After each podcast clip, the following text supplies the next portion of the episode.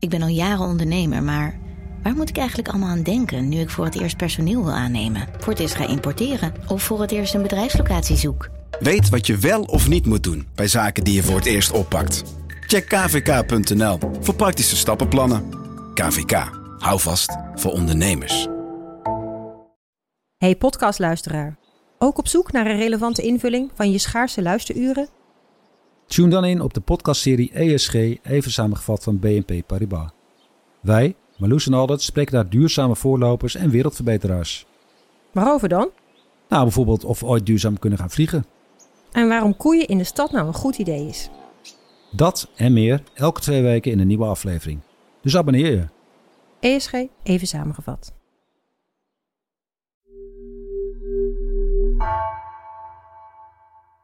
Hey, Gemma hier. Ik heb leuk nieuws voor jullie, of tenminste dat hoop ik. Heb jij enig idee wat het is, Hendrik? Ik heb wel een vermoeden. Ik word een nieuwe presentator. ja, ik sluit me helemaal bij je enthousiasme aan. Ik heb er heel veel zin in om met jou en de andere apen in de studio allemaal mooie afleveringen te gaan maken. En daar gaan we nu meteen mee beginnen. Welkom, wij zijn Onbehaarde Apen. Dit is een podcast van NRC over wetenschap.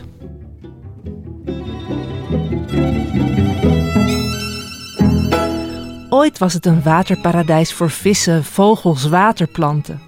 Nu is het een algenpoel waar iedere dag dode dieren aanspoelen op het strand. Mar Menor, de grootste binnenzee van Europa, gelegen aan de Spaanse oostkust, gaat ten onder aan vervuiling en intensieve landbouw. Maar sinds kort is die zee een rechtspersoon, waardoor ze rechtszaken kan aanspannen tegen haar vervuilers. Wat betekent het precies als een natuurgebied rechtspersoon wordt? En welke gevolgen heeft dat voor mens en voor natuur? Mijn naam is Gemma Venhuizen en vandaag zit ik in de studio met Sjoerd de Jong, redacteur filosofie en juridisch redacteur Volker Jensma. Uh, Sjoerd en Volkert, welkom. Hallo. De Hoi. allereerste lange aflevering weer naar de zomer, dus we hebben tijd genoeg om uh, flink uh, Mar Menor in te duiken. Nou, we hebben het vandaag over mensenrechten en natuur en ook over de consequenties en de valkuilen van die nieuwe trend in de natuurbescherming, hè? de natuur als rechtspersoon. Maar Sjoerd, vertel eerst nog even iets meer over die Mar Menor. Uh, jij noemt het ook wel een lagune, een binnenzee. Ja, of het nou verstandig is om daar heel diep in te duiken, is de vraag. Het probleem is dat uh, het gebied erg vervuild is geraakt. Maar Mar Menor is, is, een, is een, een binnenzee, is een landtong eigenlijk, in zuidoostelijk Spanje, Murcia. En uh, die landtong gaat de zee in, de Middellandse Zee. Het, het is dat de Mar Menor. En aan de buitenkant heb je de Middellandse Zee. En dat is, ik ben er zelf nooit geweest. Maar onze oud-correspondent Spanje, Koen Greven, uh, verzekert me dat het een prachtig gebied is. Hij heeft er een paar keer gelogeerd. Uh, dat in twintig jaar wel eigenlijk volledig naar de knoppen is geholpen. En uh, dat heeft eigenlijk als, als, als voornaamste oorzaak uh, vervuiling door intensieve landbouw, zoals je zei. En dat komt ook omdat het is een bergachtig gebied. Dus als het regent, die, die boeren gebruiken allerlei natuurlijk bestrijdingsmiddelen. En als het zwaar regent, dan spoelt dat gewoon die lagune in, de, de pesticiden, zullen maar zeggen. Uh, dan is er ook nog andere vervuiling. er is ook intensieve watersport. Het is een gebied waar in de winter zo'n 9000 mensen wonen, begrijp ik. En in de zomer groeit dat aan tot zo'n 100.000. Dus je kunt je voorstellen dat dat ook de nodige vervuiling met zich meebrengt. En dat is allemaal de afgelopen twintig jaar ook zodanig toegenomen uh, dat daardoor Mar Menor ook meer in de problemen is geraakt. Absoluut, het is zwaar vervuild geraakt en de Spanjaarden maken zich daar ook al, al jaren uh, druk om, terecht. En dat wordt heen en weer, het is ook een beetje een pingpongspelletje natuurlijk tussen de lokale autoriteiten in Murcia en de nationale overheid in Madrid, die ook niet naar elkaar wijzen. En uh, dat heeft ertoe geleid dat de Spaanse burgers eigenlijk zelf met initiatieven zijn gekomen. En onder andere een handtekeningenactie zijn gestart om dat gebied uh, beter te beschermen en persoonsrechten te geven in wetgeving. Uh, die petitie is in, in no time ondertekend door honderdduizenden Spanjaarden. Ik geloof uiteindelijk 650 of, of meer duizend. Dan moet je er ook echt wel. Dan moet je wat doen. En uh, het Spaanse parlement heeft dat opgepakt. En er is in een paar maanden geleden leden in de commissie, zoals dat heet, van ecologische transitie en demografische uitdaging. Je zou willen dat we hem ook in Nederland hadden. Ehm, en die heeft een, een, een, wetgevingsinitiatief neergezet dat erop neerkomt dat het Marmenor persoonsrechten krijgt. En een overgrote meerderheid in het Spaans parlement is daarvoor. Dus ik weet nog niet of de laatste handtekening al gezet is. Maar er is maar één partij die, die zich daartegen verzet, eh, begrijp ik. Dat is de radicaal-rechtse partij Vox. En eh, die spreken van een eh, chiringuito. Dus het is een staatsgreep eigenlijk, wat Eh, hier gebeurt. Fox wil niet dat Nee, Marmenor een stem krijgt, maar het lijkt erop dat de zee nu daadwerkelijk een Ja. rechtspersoon Ja, wordt. zeker, ja. Dat- En Volkert, als we het hebben over die status van rechtspersoon, wat moet ik me daar precies bij voorstellen? Nou, een rechtspersoon, dat is een afspraak, een constructie. En eh, die is eh, gemaakt om eh, organisaties die in het leven zijn ontstaan, om die zelfstandig rechten en plichten te laten bezitten. Eh, zodat die organisaties kunnen handelen met elkaar, maar ook met mensen. Ehm, denk aan een vennootschap, eh, denk aan de staat zelf, NV's, BV's, eh, NRC Media, eh, de kerk. eh, dat zijn allemaal rechtspersonen. En die maken dus het economisch verkeer mogelijk. En tegelijkertijd zijn jij en ik en Sjoerd ook eh, allemaal ook weer op, op, op onszelf ook rechtspersonen. Wij zijn natuurlijke personen en als zodanig hebben wij rechten en plichten. Eh, dus die rechtspersoon is daar eigenlijk een soort abstracte afsplitsing van. En eh, jij zegt, hè, wij als natuurlijke personen hebben rechten en plichten. Ik kan me voorstellen dat dat dan ook voor de rechtspersoon zelf geldt. Wat, wat kan en mag je dan als, als zo'n rechtspersoon? Ja, eh, je- mag, je mag deelnemen aan het handelsverkeer. Je mag deelnemen aan de samenleving. Je mag contracten sluiten. Je mag verplichtingen aangaan. Eh, je hebt rechten om te worden beschermd, om, eh, nou ja, om, om je mening te uiten, om, eh, er mag niet bij jou worden binnengedrongen. Het hele systeem van een rechtsstaat, daarin heb jij een rol Ja. als rechtspersoon. En tegelijkertijd brengt dat ook een zekere verantwoordelijkheid met zich mee. Hè? Dat, er mag niet bij jou worden ingebroken, maar je mag ook niet bij iemand anders inbreken. Nee, ook de rechtspersoon zelf is gebonden aan het recht en aan de wet. En nu hebben we het over, eh, hè, je noemde net al van ook organisaties en kerkgenootschappen kunnen een rechtspersoon zijn. Dus in die zin is het helemaal niet zo gek dat een niet levende entiteit een status als rechtspersoon krijgt. Of dat is vrij normaal. Maar Ja. waarom zou dan juist de natuur een rechtspersoon moeten worden, Short? Ja, je zegt eh, niet levende natuur, maar eh, het gaat hier natuurlijk ook om levende natuur. Hè? Een rivier, eh, lagune, bossen. Eh, er zijn zelfs ecologische stromingen die een berg ook als levende natuur beschouwen. Wat me ook lastig lijkt hierbij is dat je eh, natuurlijk eerst heel duidelijk moet hebben van wat hoort er dan allemaal bij die rechtspersoon. Als je een rivier hebt, telt dan ook de bedding mee of alleen het water? Zijn het ook de vissen en de hierin voorkomen? Het gaat om de bescherming van een natuurgebied, dus een bos. En of dat ook inhoudt dat alle krekels die daar rondlopen beschermd zijn, ja, impliciet wel. Maar dat is denk ik geen, dat is denk ik geen verschil met de huidige eh, beschermingsregelingen. Nee, precies. Het is nu ook als iets een nationaal park is, dan worden er niet, worden er niet aparte regels voor de insecten Maar dat niet, leven. Nou, er zit wel een klein aspect aan, want eh, natuurgebieden plegen zich eh, niet aan eh, landsgrenzen te houden. Eh, Ja, ja. Rivieren Ja. al helemaal niet. hè. Dus eh, met de Maas hebben we daar ervaring mee toevallig. Die was ooit zwaar door de Franse kalimijnen vervuild. En toen moest toch met, vanuit het Nederlandse rechtssysteem moesten de Franse kalimijnen tot het staken van de vervuiling worden gedwongen. Eh, en dat was ingewikkeld. Eh, en dat dat lukte was wel, eh, voor juristen was dat wel een doorbraak. Dus als je een deel van een rivier een eigen rechtspersoonlijkheid geeft of toekent, dan loop je daar wel tegenaan. Hè. Is dan het water dat er zich op dat moment in bevindt, valt er dat dan onder? Valt dan al het water eronder dat dan binnenkomt? Ehm, eh, gaat hebben we het over de bedding? Ja, natuurlijk. Hebben we het over de huidige loop of ook over de toekomstige loop? Als die rivier een andere loop neemt, wellicht buiten het natuurgebied. Eh, dus eh, Ja. Dat, dat zijn denk ik de vragen waar nu in het Hooggerechtshof van India men zich ook eh, Ja. het hoofd over breekt. Ja. Ja, een soort Ik- pars pro toto. eh, ja. Ja, kan hij zeggen dat bijvoorbeeld in Colombia, hè, waar dan een deel van het Amazonegebied beschermd wordt, dat is het nationale stukje daarvan eh, in principe. Ja. ja, de vraag of je uh, aan natuur persoonsrechten kunt verlenen is eigenlijk opgekomen vanuit wat dan heet de Global South. Uh, Mar Menor is de eerste uh, entiteit in Europa, de eerste natuurentiteit in Europa die ja, dergelijke rechten krijgt. Want als je het over de Global South hebt, dan heb je dus over uh, Afrika, Zuid-Amerika. Ja. ja. precies. En met name in Zuid-Amerika zijn eigenlijk al zo'n 10, 20 jaar geleden initiatieven opgekomen. Van mensen die zeiden: ja, kijk, natuurbescherming is allemaal leuk en aardig. Maar ja, dat blijft dan toch, ehm, eh, laten we zeggen, overgeleverd aan menselijke belangen. En als de economische druk maar zwaar genoeg wordt, dan gaan we dat natuurgebied toch maar weer een beetje inperken en een stukje kaalkappen. En uh, eco-activisten uh, die, die hebben dus gepleit voor, voor een status als rechtspersoon om dat te voorkomen. Ja, dus dat eigenlijk die exploitatie die we nu hebben, om, om, om die een halt toe te roepen. Dan leg je dus vast dat bijvoorbeeld het belang van dit natuurgebied is om niet gekapt te worden. Nou, dat betekent dat je het niet mag kappen. Um, en dat is opgekomen eigenlijk vooral het eerste, ik zei wel Latijns-Amerika, maar de primeur had Nieuw-Zeeland.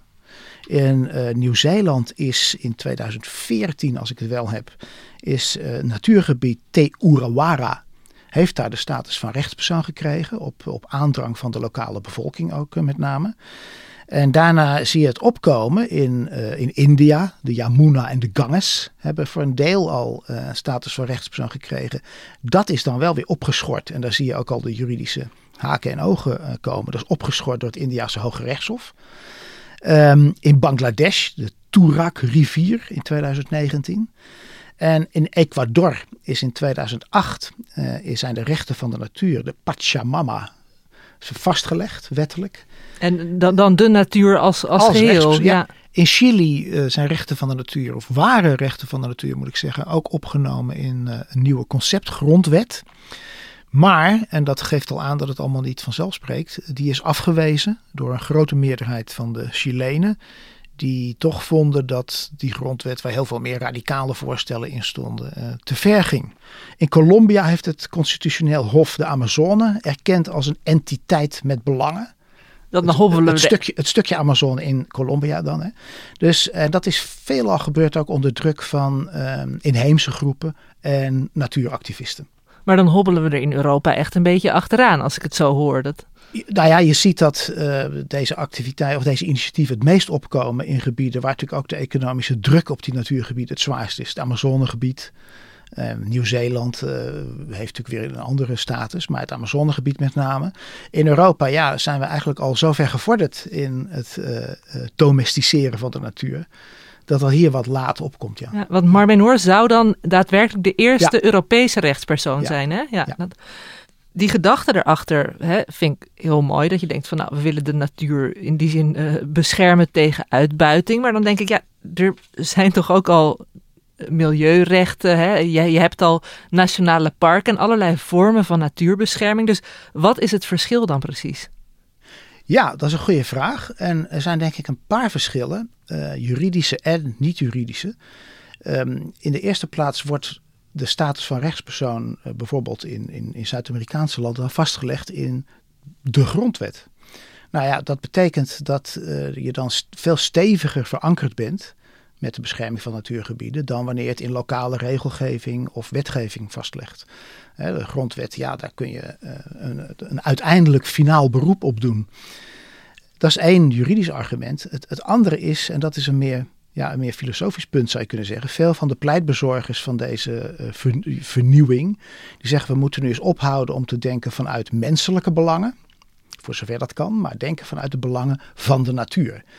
En uh, een deel van die mensen schrijft aan de natuur ook gewoon bewustzijn toe. Hè? Dus je kan de natuur beschouwen als een, een organisme. En dan krijg je de Gaia-gedachte, dat eigenlijk de hele planeet een levend organisme is. Ja, van de net. Uh... En die heeft dan belangen. Ja, van de net overleden James Lovelock. Ja, precies. En die belangen moeten wij, die kennen wij niet toe, maar die heeft de natuur en die moeten wij erkennen. Nou, dat is de meest radicale stroming. Maar je hebt ook andere stromingen die zeggen, ja, wij verlenen natuurlijk die rechten. Maar dat is eigenlijk wel een heel goed idee. Omdat op die manier je ze uh, dieper kan verankeren dan wanneer je uh, gewoon zegt: ja, we gaan in de gemeenteraad bepalen dat we dit stukje bos willen beschermen. Ja, dus je hebt juridisch eigenlijk een meer gedegen basis ook, als ik het zo hoor, Volker. Ja, het, het maakt op mij uh, de indruk van een soort, uh, ja, bijna een, een, een turbo-uitvinding om de natuurrechten nog een extra gewicht te geven. Waarbij je uh, dan om te beginnen moet vaststellen dat je weet wat de natuur zelf wil.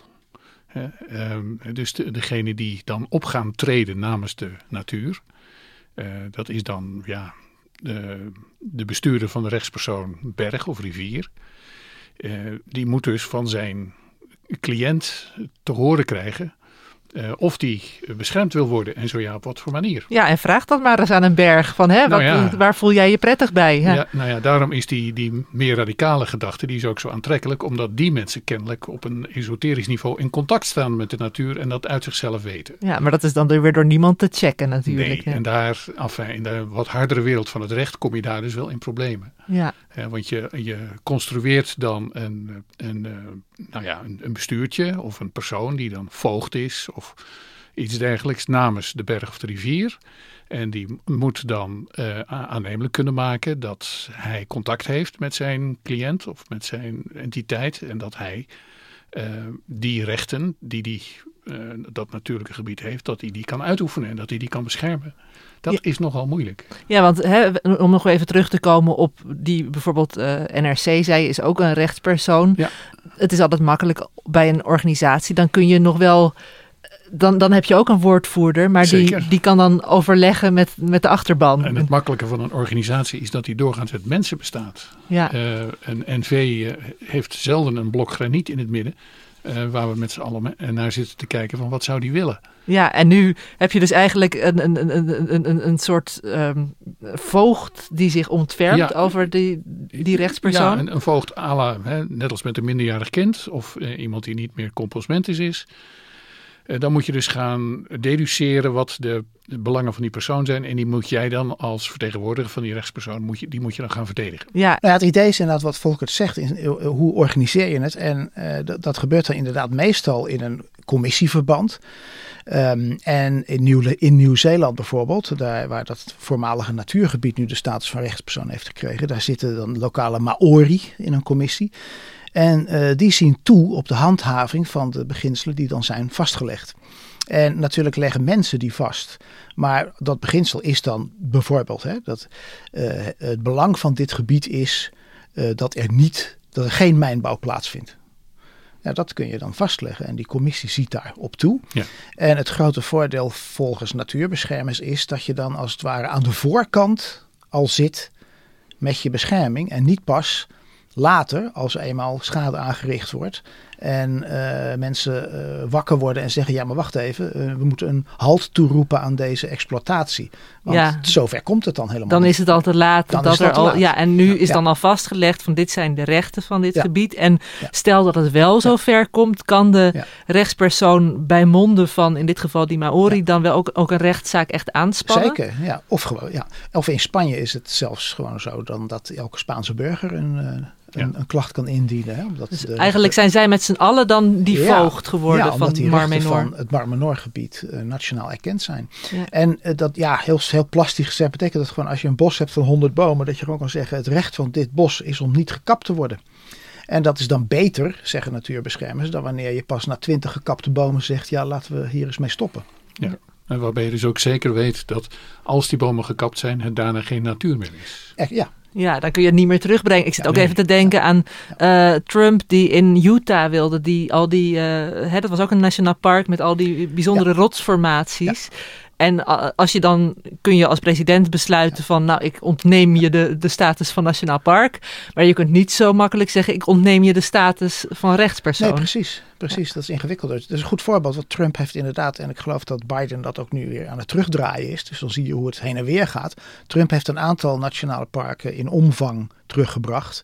Eentje zelfs, geloof ik, bijna gehalveerd. Om ruimte te maken voor economische activiteit, met name mijnbouw. En dat is daar in Amerika altijd een groot probleem. Maar pas op, hè, het papier is geduldig. Dus je hebt zo rechtspersoonlijkheid toegekend en je hebt het ook zo weer afgenomen. Hmm. Dus uh, het recht dijt gewoon uit en krimpt in samen met de opvattingen die er in de samenleving zijn. Dus als we nu vinden dat natuur een zelfstandig recht is, dat je kunt toekennen aan een bepaald gebied, en daar verzinnen we constructie bij, daar moeten dan toch ook weer mensen bij die dat gaan doen. ja, dan zijn we daar nu tevreden mee. Dus dan hebben we dat recht een extra gewicht gegeven. Maar als het over tien jaar anders is, ja, dan uh, draaien we dat weer terug. Maar dat is eigenlijk ook wat jij net zei, volgens mij, Sjoerd, dat was het in India, waar, waar inmiddels al de benoeming tot rechtspersoon weer uh, is, is teruggedraaid? Of? Nou, India heeft een, een, een, een, het, het, het Hooggerechtshof van een deelstaat, die, die per status toegekend aan een deel van de Gangesrivier. Maar het federale Hooggerechtshof, dus van heel India, heeft dat nu opgeschort. Want die willen daar eerst toch nog eens goed naar kijken. Hmm, dus... Het probleem van de natuur is dat je er toch niet mee kan praten. Het is uiteindelijk, ik bedoel, behalve de Maori dan. Er, ja, er zijn mensen die dat. Er zijn mensen die zeggen dat ze dat kunnen, maar ik ga ervan uit dat de natuur geen bewustzijn heeft. Ook geen persoonlijke verlangens uh, en ook geen er persoonlijke ervaringen. En ook niet een opvatting heeft over hoe, hoe die er zelf uit moet zien. Of welke ontwikkeling die moet doormaken. En welke factoren daarbij gewenst zijn en welke ongewenst. Ja, en dan is het inderdaad jou, jouw visie tegenover de visie van, uh, ja, dan is van het, de natuurbeschermers. Ja, dan, dan kunnen we dus wel aan de ene kant die rechtspersoonlijkheid toekennen aan de natuur. Maar het blijft toch een heel mensgerichte benadering. Zeker. Wij, ja. wij stellen mensen aan in de plaats van die berg of die rivier. En Volkert, ik uh, hoor aan jouw verhaal al van hè, er zijn ook wat uh, haken en ogen aan, aan die hele zienswijze als, van de Ja. natuur als rechtspersoon. Um, we hadden het net al even erover van als rechtspersoon heb je niet alleen rechten, maar ook plichten. Hoe ga je daar juridisch mee om? Want ik zit de hele tijd van ja, stel dat je als rivier opeens een rechtspersoon bent, maar er verdrinkt iemand in jou. Of je bent een berg uh, en er, er vallen rotsen, rotsen van je af. Ben je dan opeens schuldig? Kun je worden aangeklaagd? Ja, daar verheug ik me dan een klein beetje op. De, de, jurist in mij die begint dan uh, handen wrijvend op zoek te gaan naar een potlood. Um, want ja, er ontstaat aansprakelijkheid. Uh, als een rechtspersoon gaat deelnemen aan het economisch verkeer, ja, dan uh, zijn er niet alleen rechten, maar dan zijn er ook plichten. Uh, en die rechten, daar gaan we van uit. Hè. We zijn allemaal blij met de gedachte dat je beschermd kan worden tegen exploitatie en vervuiling en afbraak. Um, maar er is vast een handige advocaat die denkt, hè, precies de casus die jij zegt, ja, maar die bosbrand, die heeft mijn vruchtbare grond vernietigd. En uh, dat is te wijten aan een gebrek aan uh, goed beheer uh, door dit natuurgebied. En degene die zich daarvoor in een onbewaakt ogenblik als vertegenwoordiger heeft aangesteld. En dat is dan een commissie of een voogd of, of weet ik veel wat. Maar de NV Berg noem ik die dan maar. Um, en reken maar dat die aansprakelijk gesteld gaat worden. Al was het maar om een punt te maken. Ja. Is... Uh, en, uh, en, daarmee is meteen het woord eigendom gevallen. In een doorgeorganiseerd land als Nederland, waar alle natuur om te beginnen al door de mens gemaakt is, of, of uh, mogelijk is gemaakt in ieder geval, is, heeft alle natuur al een eigenaar. Dus eigenlijk die, die voogd waar we het net over hadden, hè, van wie is dan de, de, ja, de dat, woordvoerder? Dat van... is een, een concurrerende vertegenwoordiger geworden. Wat bedoel je dan met, met die eigenaar? Wie is die eigenaar dan? Dat kan dus de, de staat zijn, Staatsbosbeheer, de provincie, Gelders Landschap, drinkwaterbedrijf, Duinen bij Zandvoort, uh, de Stichting Natuurmonumenten, daarvoor opgericht. Uh, die beheren dat, vertegenwoordigen dat en die handelen ook namens dat gebied en die beschermen dat gebied ook. Maar die zijn nu dus officieel nog niet, omdat er nu niet sprake is van een rechtspersoon, zijn zij nog niet officieel in die zin de woordvoerder. Maar stel dat we zouden zeggen, uh, de um, uh, Nationaal Park uh, de Hoge Veluwe wordt een, ja. wordt een rechtspersoon, dan zijn zij de, ook de meest aangewezen, aangewezen persoon. persoon. Ja, ja, want in het kadaster staat dat het van hen is. Ja. Dus dan moet je van goede huizen komen om dan als rechtspersoon een geheel ander bestuur aan te wijzen dan dat van natuurmonumenten of het Gelders landschap. Stel, maar ik ben aan het fantaseren. Hè. Dit is terra incognita. We weten dit niet. Nee, want zijn er in Nederland eigenlijk plekken waar over wordt gesproken van het zou goed zijn als dat een rechtspersoon is? Zeker. Uh, met name de Waddenzee en de Maas. Uh, de Waddenzee, er is een voorstel om uh, een rechtspersoon, een status van rechtspersoon toe te kennen aan de Waddenzee. Dat is al werelderfgoed, toch? Ja, maar dat is ook een onderdeel van het probleem volgens natuurbeschermers. Want de Waddenzee is zoveel. Er zijn uh, vele, misschien wel tientallen instanties die voor een deel gaan over de Waddenzee. Wat ook nog eens extra complex is, omdat natuurlijk ook Duitsland uh, daar belangen in heeft. Hè. Het is een multinationale een problematiek. Alleen al in Nederland zijn daar 10 tot, tot, tot 12 instanties mee bezig. En volgens natuurbeschermers zou het veel eenvoudiger zijn om dat allemaal gewoon en dat lijkt me vergezocht dat, dat dat gaat gebeuren. Maar om dat van de kaart te vegen en daar in plaats van één instelling te maken. die toeziet op de belangen van de Waddenzee als rechtspersoon. Dan zou je op zijn minst ook weer met een behoorlijke petitie moeten komen. Om, om, En het is een hele goede testcase, want de belangen daar zijn natuurlijk groot. Hmm, ja. ook economische belangen, de toeristische belangen, de internationale belangen. Dus ga er maar aan staan. Maar dat is een initiatief. Een ander initiatief uh, is uh, uh, bij de Maas die voor een deel erg vervuild is en waar mensen zich ook voor inzetten om die de status van rechtspersoon te geven. En hebben we dan over het Nederlandse deel van de Maas of over de gehele, echt Nederlandse deel? Ja. ja. Ja, het leuke is dat het, dat project heet De Maas in de Wet. Oh, ja. Ze hebben het bijna alleen maar vanwege die naam gedaan ja, waarschijnlijk. Ja, het is echt, echt, prachtig. Maar ook daar denk ik weer, hè, de Maas uh, staat ook wel bekend om het uh, buiten zijn oevers treden. Ja. En, en, en dan zit je meteen weer met die, die uh, aansprakelijkheid waar we net over ja, hadden. Ja, dat zal. Hè. Maar kijk, overigens zijn er heel veel verschillende manieren hè, om die, die rechtspersoonstatus of, de, of een, een, iets in die richting vorm te geven. Je kan dus denken aan de lokale wetgeving, nationale wetgeving, grondwet. Uh, er, zijn, er zijn allerlei verschillende modussen voor die ook nog echt onderzocht moeten worden. Ja. ja. En ja, aansprakelijkheid hangt ermee samen. Maar het hangt natuurlijk vooral vanaf welke rechten ken je dan precies. Wat ik zeg maar even, ken je toe. Hè? Wij mensen kennen die. Welke rechten ken je dan toe of erken je van de natuur? En welke en, plichten? Ja, ja. Nou ja, en hoe weet je dat? Die zijn daar het spiegelbeeld van. Hè? Dus als je erkent, het recht van dit bos is om niet gekapt te worden. Ja, dat betekent natuurlijk niet dat je het recht van het bos erkent om op iemands hoofd te vallen. Nee. Hè? Maar als iemand daar gaat lopen en het risico neemt dat er een boom op zijn hoofd valt, ja. Je kunt zeggen, het hoort bij de, het natuurlijke karakter van het bos om af en toe eens een boom Ja. te hebben die Ja. omvalt.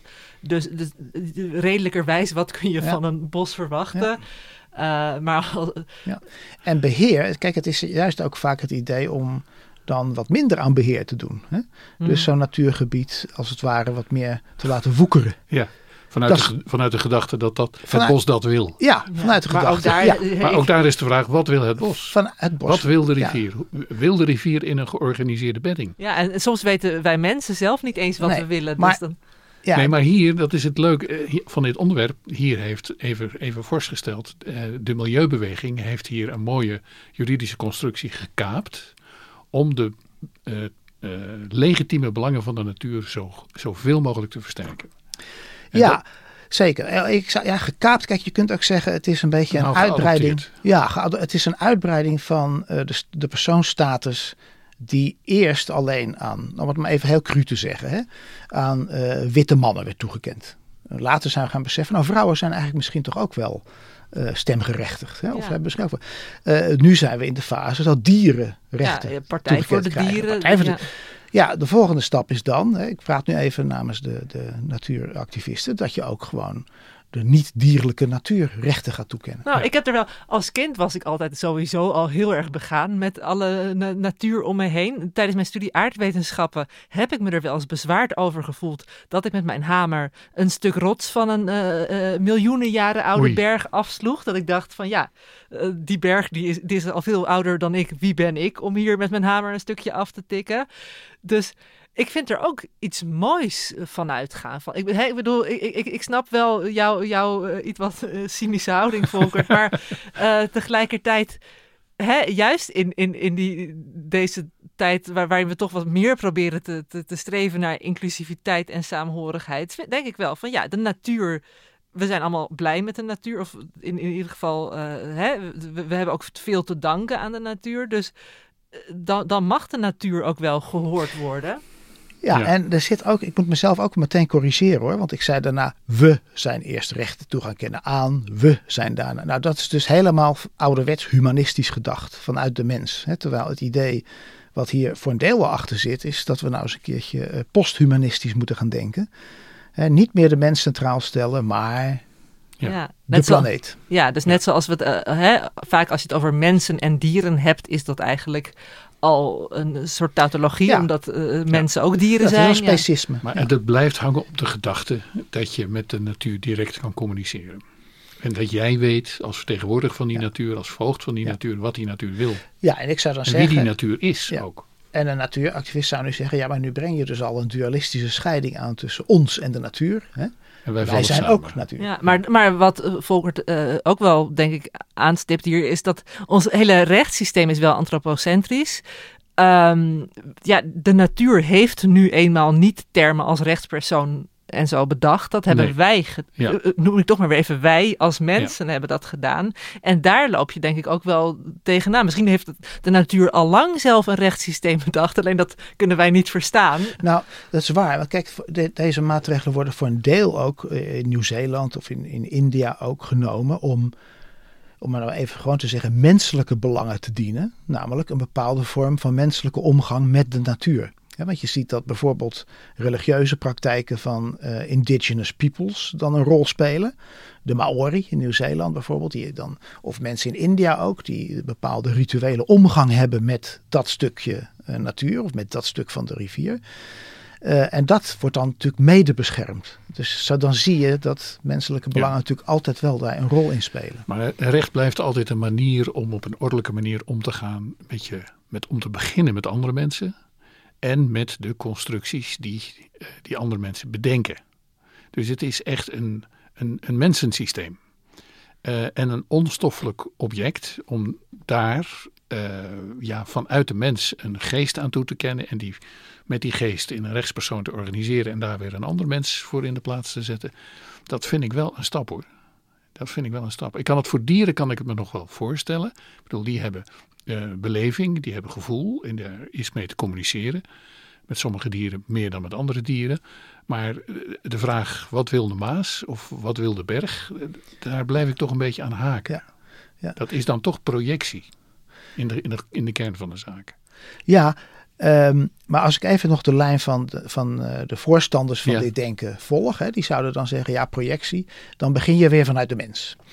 En eh, het is nu eens tijd om de zaken radicaal om te draaien. Ja. Er zit ook misschien wel een zekere vorm van, ik zal niet zeggen, eh, eigen hè, verdiende loon in of iets dergelijks. Maar wel een beetje het idee, ja, wij mensen hebben nu al zo lang de dienst uitgemaakt.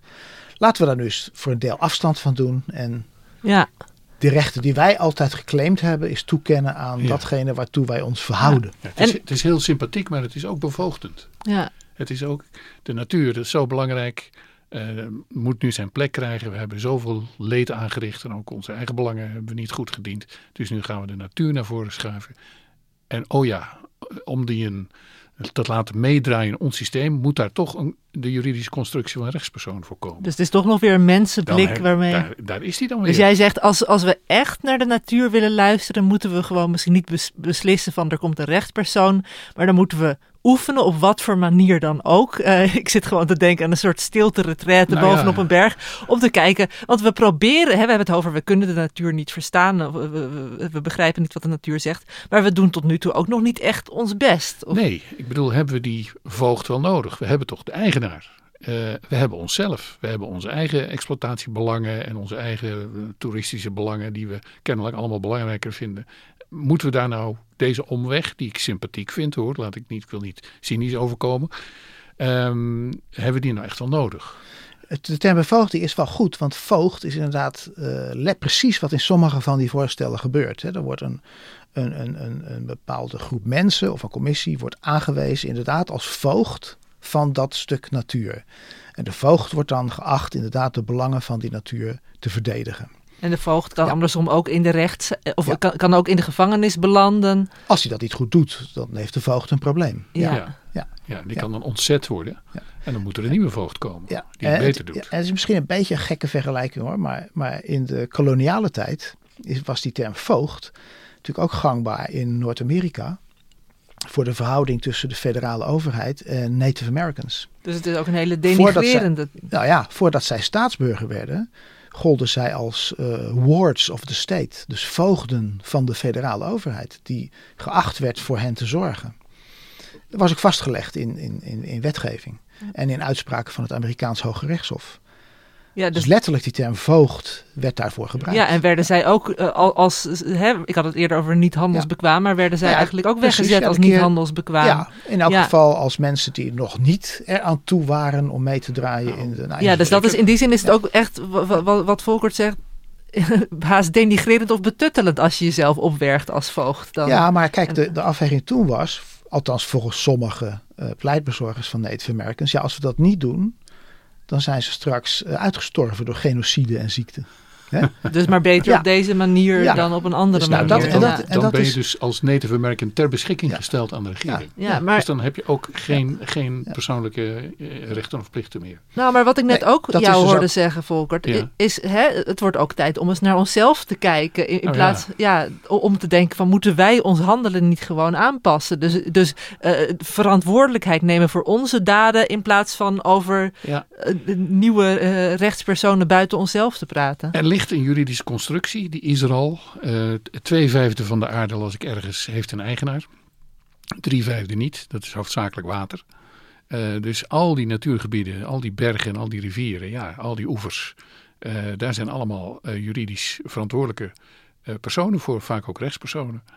En die kunnen we natuurlijk net zo hard aanpakken. En we kunnen onze eigen maatstaven opschroeven en zeggen van ja, deze vorm van gebruik, vervuiling, bezoek, druk, uh, dat is niet meer acceptabel. En u bent eigenaar, zorgt u er maar voor. Hè, dus die, je, je, kan ook zeggen, voordat we aan een nieuwe constructie beginnen, probeer, probeer het eerst eens met de oude. Ja, het voordeel van deze constructie zou zijn, zou je dan kunnen zeggen dat wat jij nu bepleit, hè, dat dat veel beter uit te voeren is. Omdat je gewoon harder kan ingrijpen. Omdat als je in de grondwet vastlegt of in nationale wetgeving dat dit gebied die en die belangen heeft waar je niet aan mag tornen ja, dan is dat veel moeilijker om daar afbreuk aan te doen dan wanneer dat gewoon een, een, een eigenaar is die. Ja. Uh, je gaat dan wel de, de, de kant op. Ik, ik begin er nu ook pas aan om erover na te denken. Eigendom is wel een van de allerzwaarste ja. uh, rechten die we hebben. Het recht van de eigenaar die mag met, met zijn shotgun uh, bij de voordeur staan om daar uh, niet rechthebbende weg te jagen. Dus beperking op eigendom, dat is, ligt niet voor de hand. Hè. Recht, het recht van de eigenaar is een, ook een mensenrecht.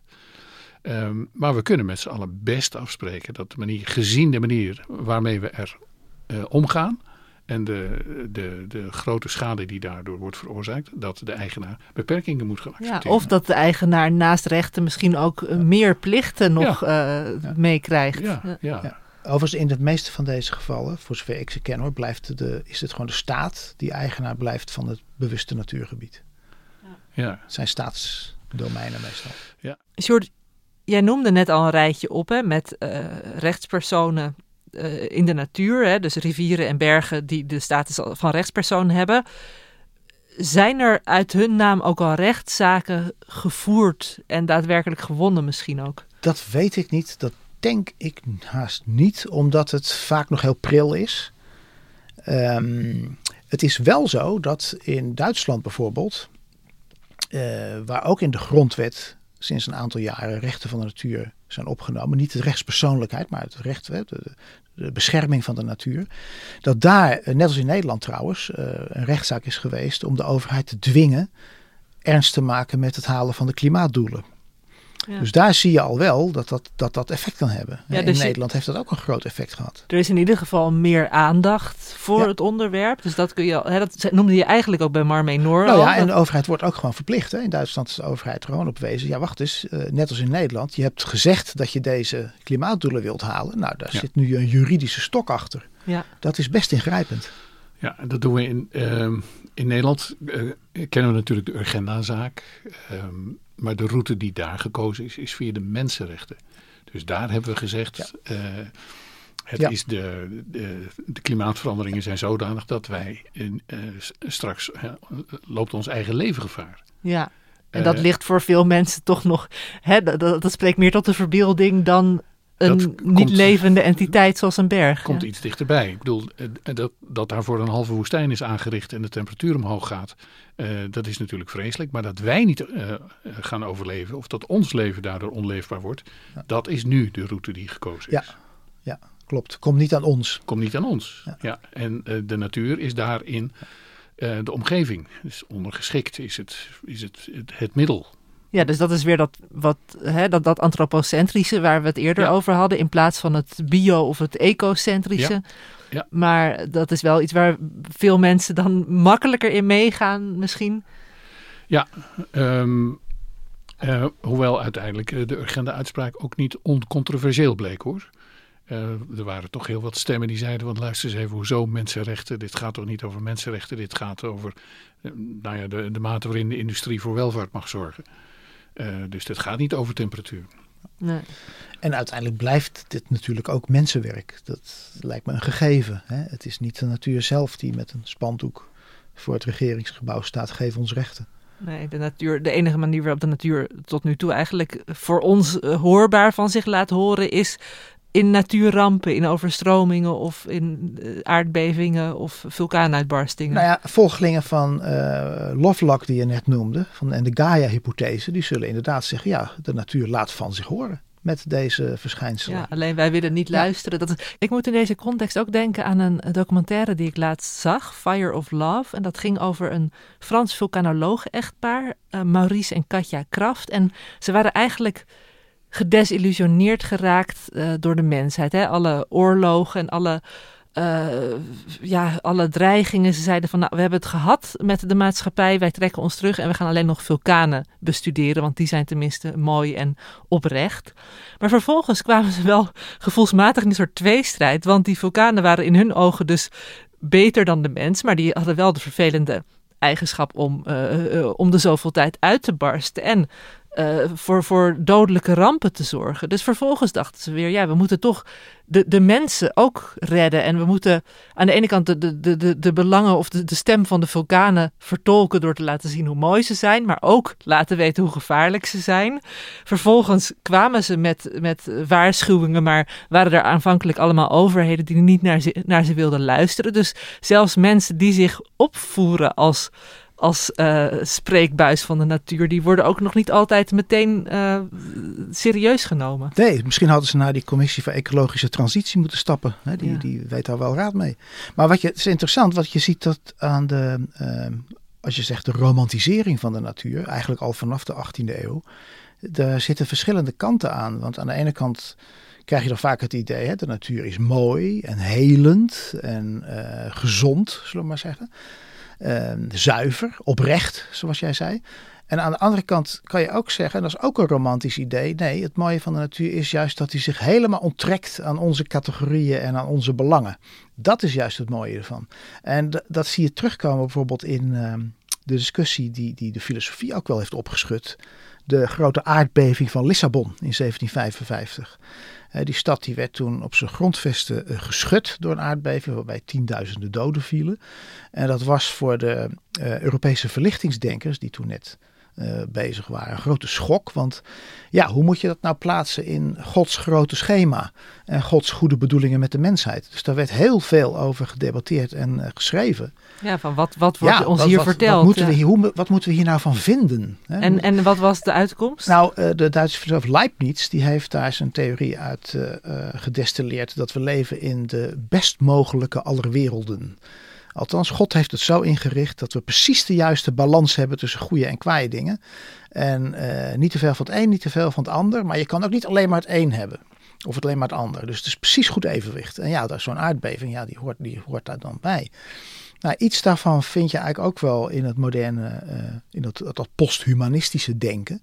Van ja, we moeten helemaal niet meer denken in, in, in menselijke belangen. En zo'n aardbeving, ja, dat is, dat is de natuur. Moeder Natuur heeft ook Ja. haar buien, zeg maar. Ja, De ene Ja. keer wat. Ja. ja. En eh, om nog even terug te komen op die, op die, die Gaia-hypothese. Er zijn dus ook mensen die zeggen, ja, dit is eh, plat gezegd de wraak van de natuur. Hè? We hebben een hele romantische gedachte ook. We hebben Ja. moeder natuur eeuwenlang zo uitgebuit en mishandeld. Eh, nu slaat ze terug. Ja, en als ik dat zo hoor, dan denk ik van waar hebben we het nog over? De Ja. natuur kan inderdaad best wel opkomen voor haar eigen belangen. Dus Ja. ei- eigenlijk, nou, eh, laten we ons misschien alle drie voornemen om te kijken of het ons lukt om naar de natuur te luisteren, wat dat ook inhoudt. Wat, wat, wat zou jij dan doen, Volkert? Ergens je oor te luisteren leggen? Oh, ja, ik, ik werd meegevoerd in een andere gedachte. Op het moment dat je de natuur als rechtspersoon gaat importeren, dan haal je deze hele fraaie gedachte haal je ook weg. Hè?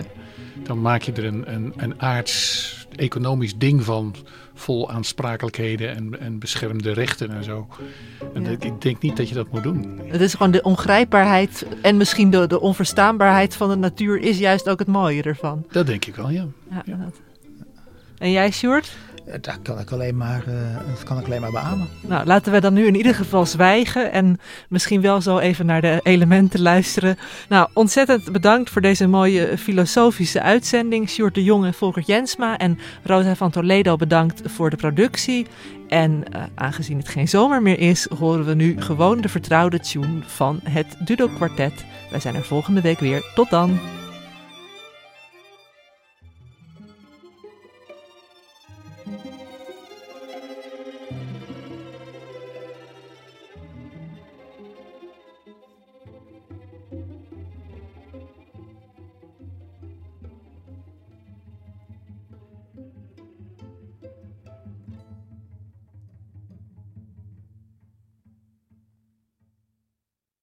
Technologie lijkt tegenwoordig het antwoord op iedere uitdaging.